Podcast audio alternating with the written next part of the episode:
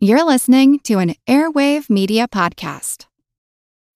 When you need mealtime inspiration, it's worth shopping Kroger, where you'll find over 30,000 mouthwatering choices that excite your inner foodie. And no matter what tasty choice you make, you'll enjoy our everyday low prices, plus extra ways to save, like digital coupons worth over $600 each week. You can also save up to $1 off per gallon at the pump with fuel points. More savings and more inspiring flavors make shopping Kroger worth it every time. Kroger, fresh for everyone. Fuel restrictions apply. It is Ryan here, and I have a question for you. What do you do when you win? Like, are you a fist pumper? A woohooer, a hand clapper, a high fiver. I kind of like the high five, but if you want to hone in on those winning moves, check out Chumba Casino. At ChumbaCasino.com, choose from hundreds of social casino style games for your chance to redeem serious cash prizes. There are new game releases weekly, plus free daily bonuses. So don't wait. Start having the most fun ever at ChumbaCasino.com. No purchase necessary. VGW Group. Void were prohibited by law. See terms and conditions. 18 plus. This is Kick Ass Politics. I'm Ben Mathis. If you're listening for the first time, this is a preview station for Kick Ass Politics where I put up a few sample episodes for you to check out. I hope you enjoy this episode, and if you like it, then I encourage you to go to our main program at Kick Ass Politics and subscribe to the show. There are a lot more episodes there. Just search for Kick Ass Politics on iTunes, or if you go to the information page for this episode on iTunes, there's a link right there to subscribe to the main show. Also, feel free to check out our webpage at kickasspolitics.com, where you'll find show notes, book recommendations, and all kinds of extras. I'm Ben Mathis, and I hope you enjoy this preview of Kick Ass Politics. If you enjoyed today's podcast on the wit and wisdom of Winston Churchill, then I think you'll like a new biography called The Churchill Factor How One Man Made History written by the brilliant and eccentric Mayor of London, Boris Johnson. And right now, you can download the audio version of this book for free with a special promotion for our listeners from audible.com. Just go to audibletrial.com backslash kickasspolitics for a free 30-day trial and a free audiobook download, which can be Boris Johnson's The Churchill Factor or any of Audible's 180,000 titles for your iPhone, Android, Kindle, iPad, or MP3 player. That's audibletrial.com backslash kickasspolitics. Or click on the sponsor link on our webpage to download the free audiobook of your choice. And now, enjoy today's podcast on the wit and wisdom of Winston Churchill.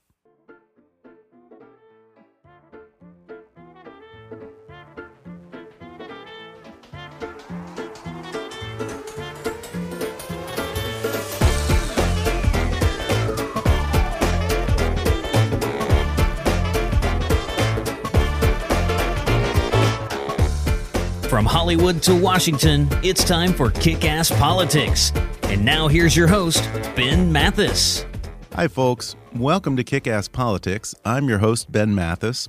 In yesterday's episode, I talked with Dr. Steven F. Hayward, the author of Churchill on Leadership, about some of the characteristics that made Winston Churchill one of the greatest men in history. As we discussed yesterday, one of the keys to Churchill's greatness was his gift of oratory.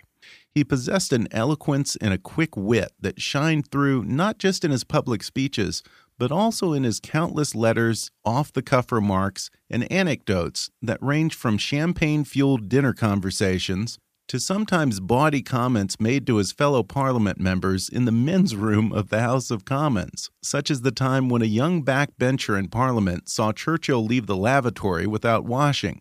The presumptuous young fellow took it upon himself to scold Churchill, saying, At Eton, we were taught to wash our hands after using the toilet. Churchill, who was actually a graduate of the rival school, said, Well, at Harrow, we were taught not to piss on our hands. he professed a deep respect for the English language, and he always chose his words quite deliberately. He even coined quite a few popular terms like the power nap. The sayings the Iron Curtain and a riddle wrapped in a mystery inside an enigma were both first used by Churchill to describe Soviet Russia under Joseph Stalin. Today, Winston Churchill is easily the most quoted political leader of all time. Just looking on Amazon, I found no less than 15 different books of Churchill quotations. So today, I want to share some of my favorite quotes by Old Winnie. Now, if you've ever listened to some of his most famous speeches, particularly those given during the war, then you already know some of his most inspirational lines, such as, I have nothing to offer but blood, toil, tears, and sweat. Or, never give in, never, never, never, never. In nothing great or small, large or petty, never give in except to convictions of honor and good sense. Both great examples of Churchill's brilliant rhetorical skill. But if you paid attention in history class, you've no doubt already heard most of the serious quotes by Winston Churchill. I want to spend a little time with the other Winston Churchill today, the sharp tongued wit who could decimate a political rival with one clever, well timed barb, or disarm critics with his at times surprisingly self deprecating sense of humor. And take it from me, folks, you can easily occupy a good hour at a cocktail party just recounting some of the best anecdotes about Winston Churchill. So today is all about the lighter side of Sir Winston. This first one comes from the day after Pearl Harbor. Winston Churchill immediately sent a letter to the Japanese ambassador declaring war on Japan, and he ended the letter with the words, I have the honor to be, with high consideration, sir, your obedient servant. It was a courtly flourish common when addressing a foreign emissary, and it was reflective of Churchill's perhaps antiquated Victorian manners. But he caught some flack for what was considered to be his deferential tone in a declaration of war. Churchill responded by saying, When you have to kill a man, it costs nothing to be polite. Churchill switched parties twice in his political career, leaving the Conservative Party for the Liberal Party in 1904 and then returning to the Conservative Party 20 years later in 1924. The result was that both parties distrusted him. But Churchill put it this way He said, If you're not a liberal when you're 25, you have no heart. And if you're not a conservative by the time you're 35, you have no brain. now, some scholars and friends of Churchill have cast doubt on the authenticity of this particular quote attributed to Churchill.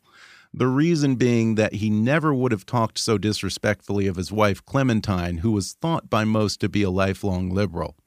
Whatever the authenticity of the quote, it stuck.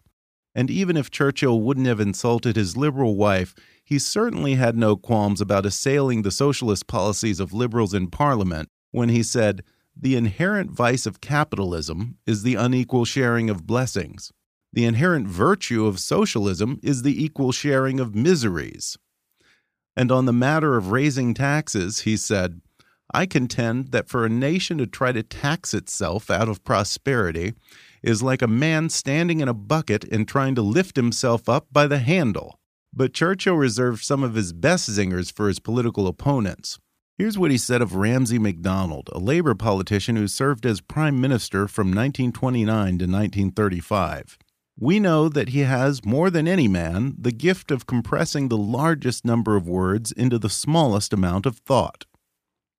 He said of Prime Minister Stanley Baldwin, who was leader of Churchill's own party, occasionally he stumbled over the truth, but hastily picked himself up and hurried on as if nothing had happened. Churchill said of Neville Chamberlain, the architect of the Munich Pact with Hitler, an appeaser is one who feeds a crocodile hoping it will eat him last. And after Churchill was voted out as Prime Minister immediately following the end of World War II, he said of his successor Clement Attlee, He's a sheep in sheep's clothing, and a modest man who has much to be modest about. But every now and then he could surprise you. On the eve of Hitler's invasion of Russia, Churchill expressed an unexpected sympathy for Joseph Stalin who hadn't exactly been a great friend to Britain up to that point. He explained it to his personal secretary, John Colville, this way If Hitler invaded hell, I would make at least a favorable reference to the devil in the House of Commons. And he was no less witty outside of the public arena. Indeed, some of Winston Churchill's cleverest quips occurred in private and often related to some of his favorite and not so favorite women. Churchill was a frequent weekend guest at Cliveden, the sprawling country house owned by Lord Astor. Churchill and Lord Astor were good friends, but he didn't get along nearly as well with Astor's brash American wife. Churchill found her classless, and his contempt for Lady Astor was further fueled by her pro Nazi sympathies. Lady Astor, for her part, thought Churchill was a drunk and a bore. The barbed exchanges that purportedly took place between Churchill and Lady Astor have since taken on a life of their own. These stories usually take place toward the end of one of Lady Astor's famous dinner parties. Churchill is typically inebriated and dominating the dinner conversation when Lady Astor says, Winston, if I were your wife, I'd put poison in your tea. Churchill replies, If I were your husband, I'd drink it. or in a similar time and setting, when Lady Astor was purported to have said, Winston, you are drunk. And Churchill said, Indeed, madam, and you are ugly, but tomorrow I'll be sober. but with other women, he could be cheeky and flirtatious at times. One time, a well endowed woman told him she had gotten up at dawn and driven a hundred miles just to attend the unveiling of his bust in Richmond, Virginia. Not missing a beat, Winston Churchill said with a twinkle in his eye, Madam, I want you to know that I would be happy to reciprocate the honor. and even toward the end, Winston Churchill was still quick with a witty comeback. On the occasion of his 75th birthday, a reporter asked Churchill if he was afraid of death. Churchill replied, I am prepared to meet my Maker. Whether my Maker is prepared for the great ordeal of meeting me is another matter. And I think I'll end with that one. Just a few of my favorite quotes by Winston Churchill. You'd be hard pressed to find a politician today who could even come close to matching wits with old Winston. And God knows there'll never be another one like him. Now, folks, if we've learned anything in the past two episodes, it's that Winston Churchill loved to indulge in a stiff drink and a fine cigar.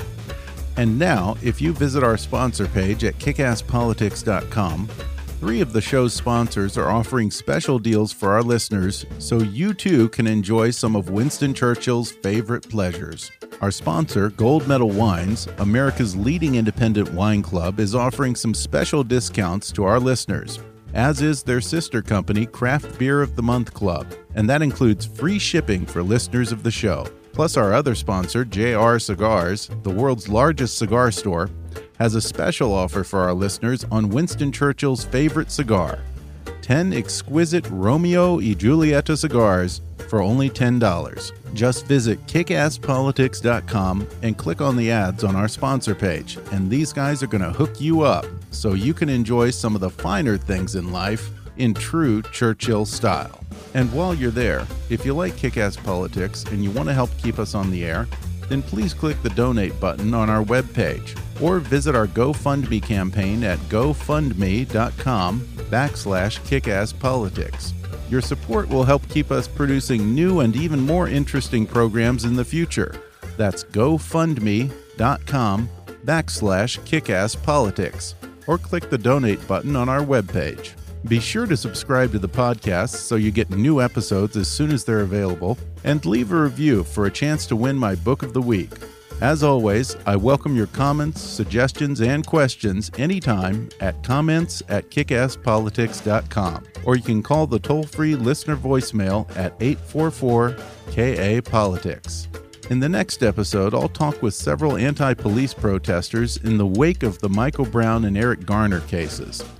And I can tell you now, what they have to say will shock you. I don't want to give away too much, but some of them even talk about overthrowing the U.S. government.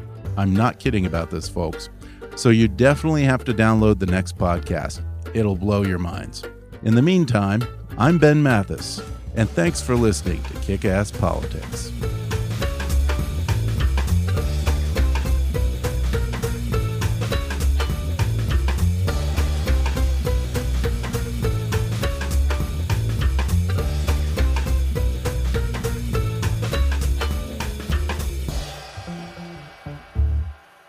Kick Ass Politics is a trademark of Mathis Entertainment, Inc.